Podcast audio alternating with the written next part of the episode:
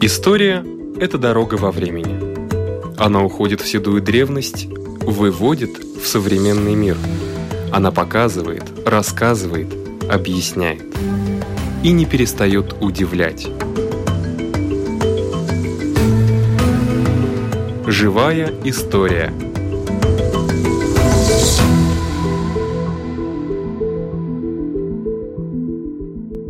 У микрофона Лидия Чера.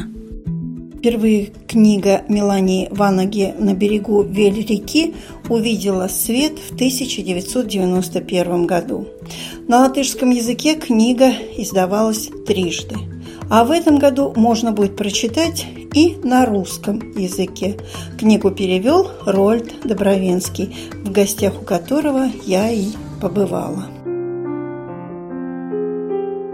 Однажды латышки обнаружили где-то на краю тайги картофельное поле нашей базы и по ночам стали туда заглядывать. И мы вдвоем с Айвексе решили рискнуть, не видя другого выхода. Взяли с собой наволочки, других-то мешков не было, и с наступлением темноты отправились в набег. Страшно было до того, что сердце звенело в ушах. Остановились, озираясь вокруг и прислушиваясь. Казалось, весь мир полон шумов и шорохов, но то был всего лишь ток крови в наших жилах. Отступить мы не могли. Голод оказался сильнее страха. Копали лежа, лихорадочно, точно кроты, роющие нору. Когда наволочки заполнились примерно до половины, страх сделался невыносимым. Хватит на первый раз.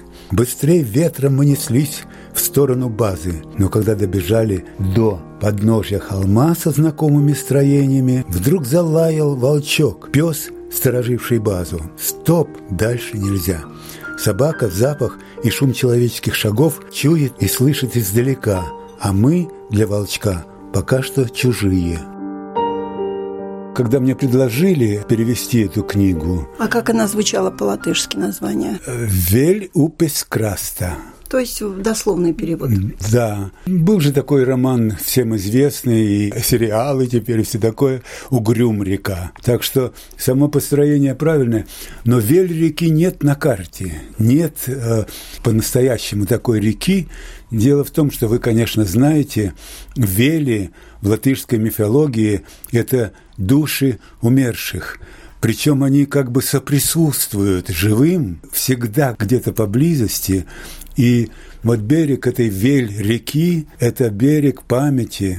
По-моему, и само название очень глубокое – ну, по-русски это непонятно, в общем-то. По-латышски понятно. Вот когда ну, вы объяснили value likes – это время октябрь, ноябрь. Это именно так, но дело в том, что мне не хотелось менять это название. Оно именно очень глубоко, а объясняется оно сразу. В небольшом вступлении к книге идет именно это объяснение, я думаю, тем более, что живущие в Латвии люди об этих велях, конечно, и русские, и все остальные, наверное, хотя бы слышали.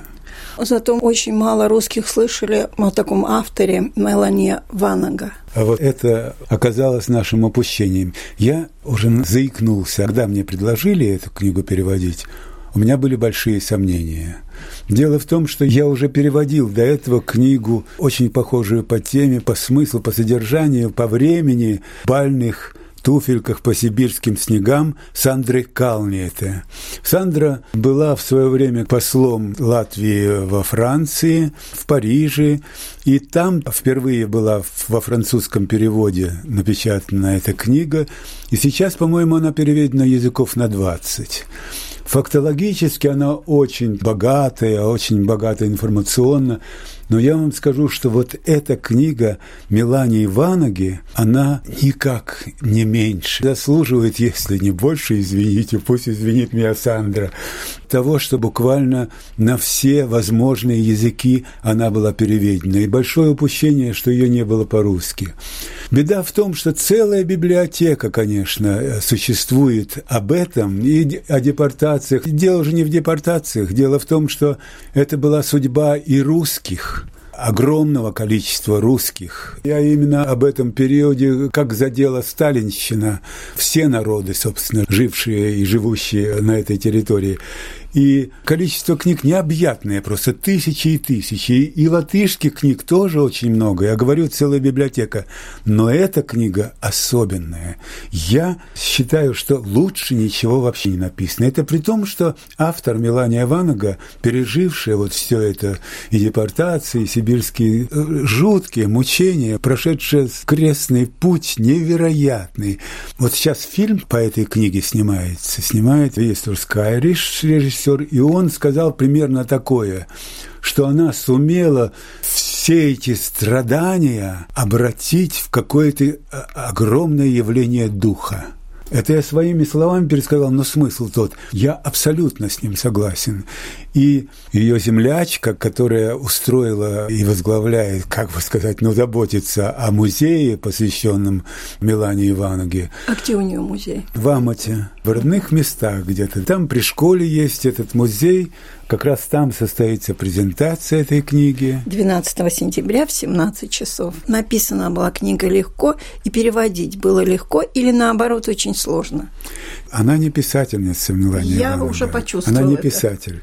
Но там, где она меньше всего хочет быть писателем, там самые лучшие ее страницы. Но вообще эта книга написана, по-моему, замечательно. И сейчас больше по-английски говорят non-fiction, то есть э, невыдуманная литература, документальная. Но в ее полной документальности заключена какая-то, я бы сказал, сверххудожественность. Я переводил ее с удовольствием. Просто, опять же, Тут, может быть, главное даже не события, которые всем известны по массе да. других информационных источников, но вот по массе художественных и документальных, визуальных и каких угодно. Дело даже не в них, а в ней самой. Эмоции. Автор и героиня этой книги просто могла бы стать воплощением Латвии как таковой. Это абсолютная несгибаемость в условиях, в которых, кажется, сломался бы кто угодно, но при этом ни жалоб, ни стенаний, и больше она все время думает не о себе, а о других. Я вот прочту еще кусочек. Отношения с соседями. Русские соседи вначале держались настороженно. И для этого, честно говоря, были основания – Тюхтете сильные матери, в том числе и латышки, готовы были на все, чтобы только спасти больных и голодных детей. По ночам, несмотря на высокие заборы, со двора пропадали крынки, чугунки, белье, с огорода огурцы, лук, капуста, картошка. Хозяева могли не досчитаться и курицы. Мы, работавшие на базе, никогда не крали у частных лиц – да и латышки, жившие в районном центре, далеко не все решались на такое. Только те, что уж совсем не видели другого выхода. Моя совесть по отношению к тюктетским жителям была чиста, но ведь я была тоже сильная, тоже латышка.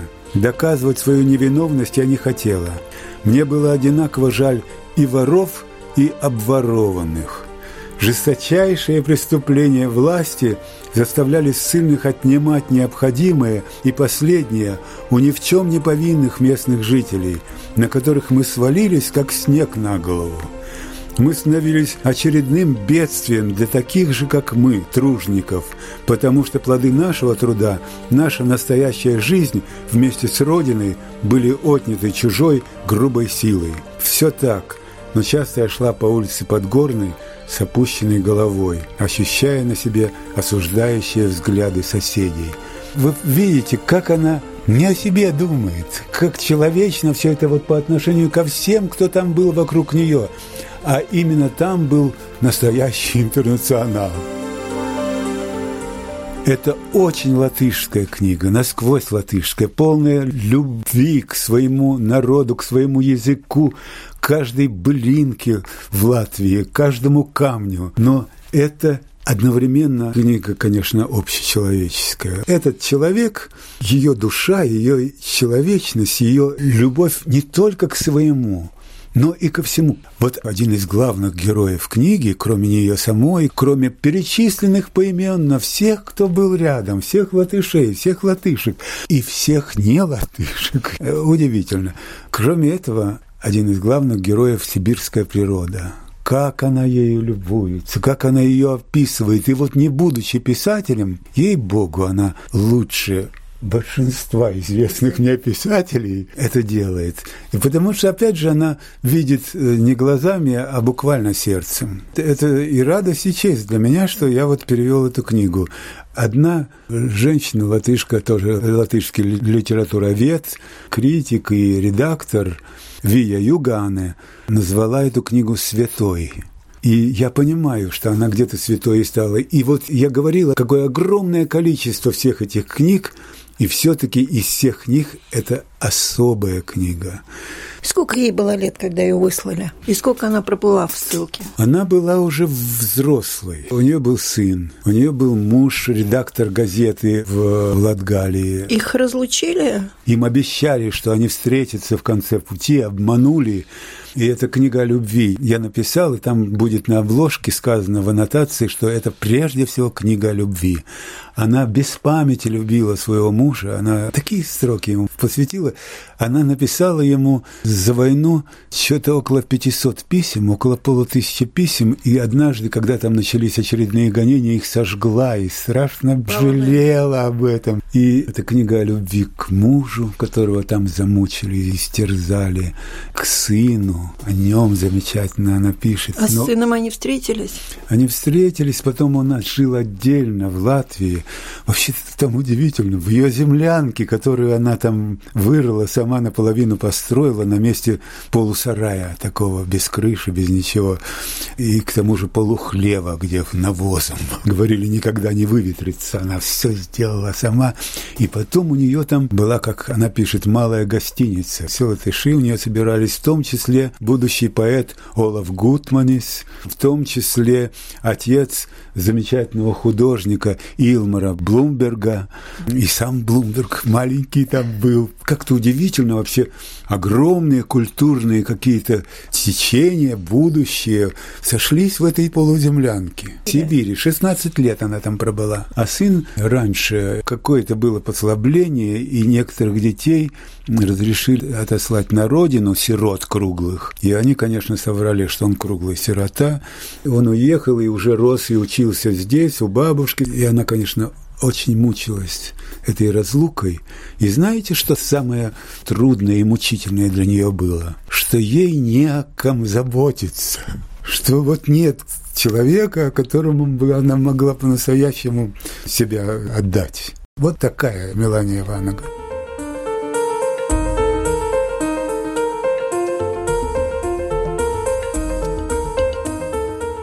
Мелания Ивановна ужасно болела там. Она на пороге смерти была несколько раз.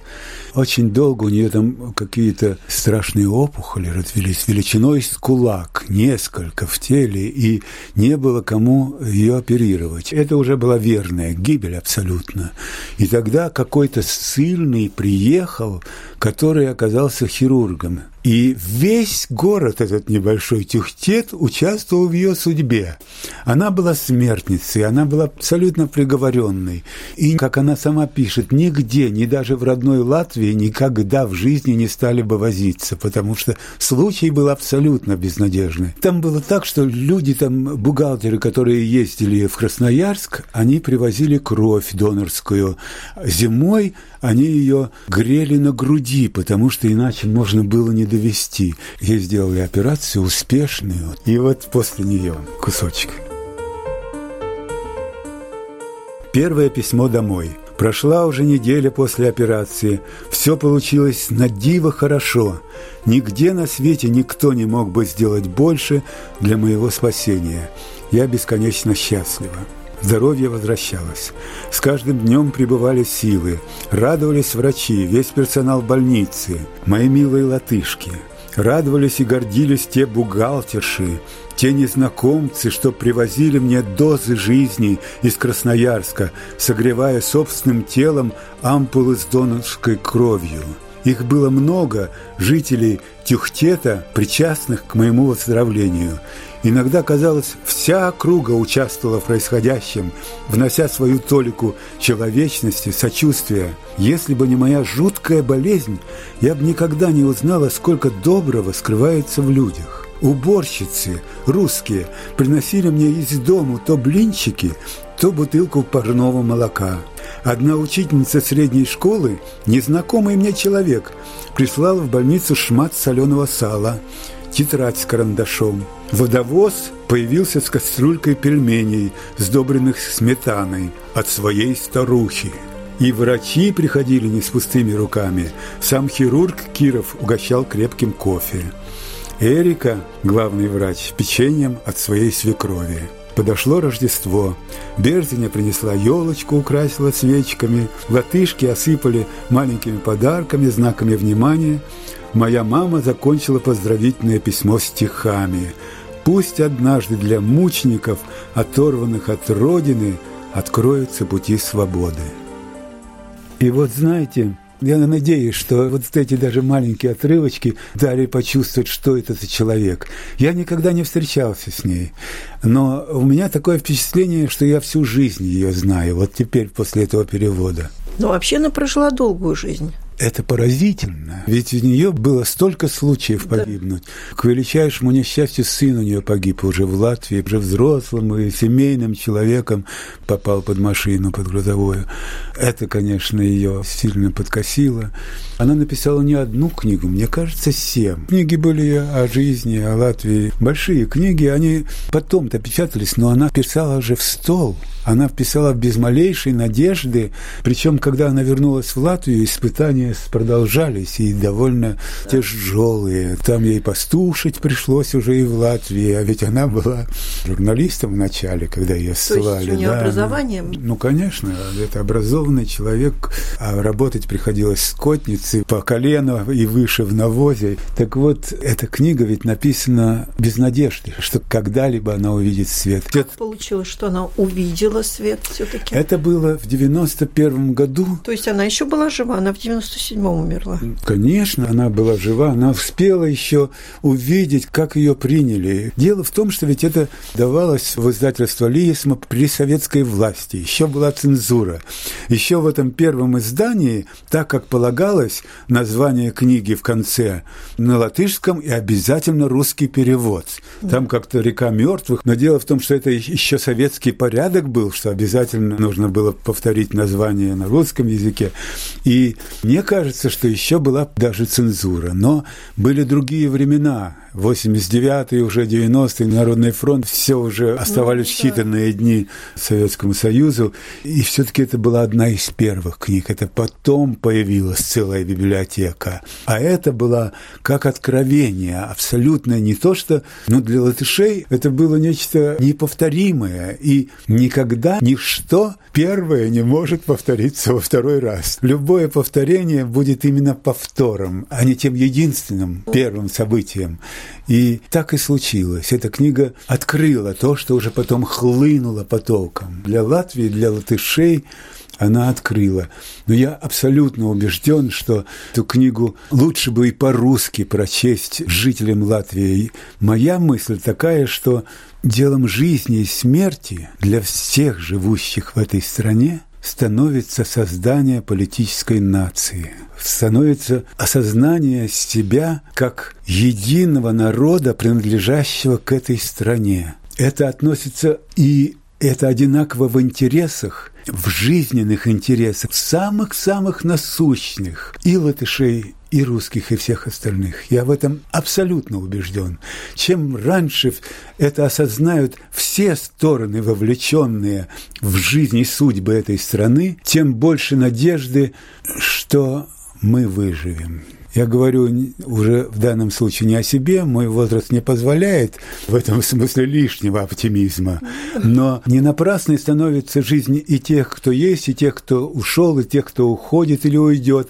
А не напрасной становится, если все их дело и, и все дело всех живущих здесь будет иметь продолжение. Если не будет иметь продолжения, это одинаково жуткая и непоправимая потеря – для мертвых и живых. Благодаря кому эта книга была переведена на русский язык и увидит свет? Тут нужно назвать имя одно – Ингрида Лаци. Она очень много сделала. Она учитель литературы, да? и при этой школе как раз этот музей создан, и там собрано, сохраняется все, что касается и рукописей. И если бы не ее настойчивость и желание, то этой книги не было бы никогда. Потому что в эти времена, именно потому что целая библиотека существует, как бы никому особенно и не нужно. Сибиряки хотели очень видеть эту книгу, и я думаю, она обязательно сейчас в Сибирь поедет. Но у них свои трудности с этим были тоже. Конечно, без помощи там литературного центра Латвии, без фонда культур капитала это не могло обойтись. Но и они участвовали благодаря настойчивости вот этого человека и других земляков. Там есть фонд развития Аматы, и молодцы, да. молодцы, они очень многое сделали. А вы не знаете, родственники, вот внуки Мелани Иваноги где-то есть? И одна родственница будет на презентации книги присутствовать. Два сына. Там будет один из героев этой книги. Он у нас был в гостях, кстати, в Икштеле. Один из тех, о ком она пишет, будет присутствовать на презентации. Андрей Стеглитис. Замечательный европейский известный художник и сценограф Илмар Блумбергс.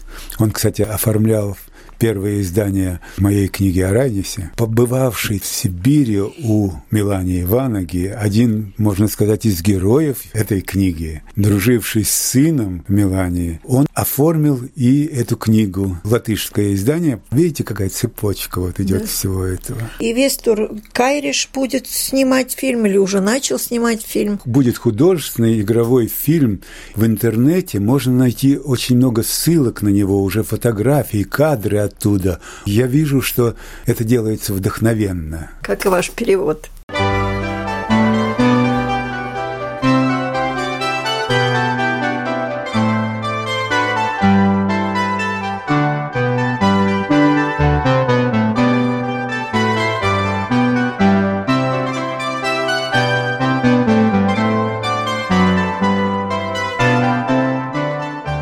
реликвий истории Латвии.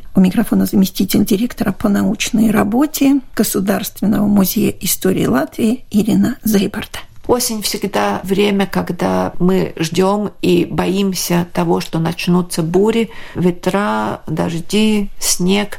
И осень связана конкретная осень, осень 1944 года с такими очень бурными переменами и в истории Латвии. Именно поэтому одна из реликвий истории Латвии – это совсем маленькая, блеклая уже фотография, всего 7 на 10 сантиметров, включена в список реликвий Латвии, потому что эта маленькая фотография связана с таким очень тяжелым эмоциональным периодом в истории Латвии. В 1944 году а процесс, в общем-то, начался уже в 1943 году, многие жители Латвии вынуждены были покинуть свои места жительства, свои дома, свои квартиры, свое имущество, потому что над Латвией проходил фронт Второй мировой войны. И когда немецкие войска стали отступать, когда началось наступление советских войск, это очень сильно отразилось на жизни очень многих жителей Латвии.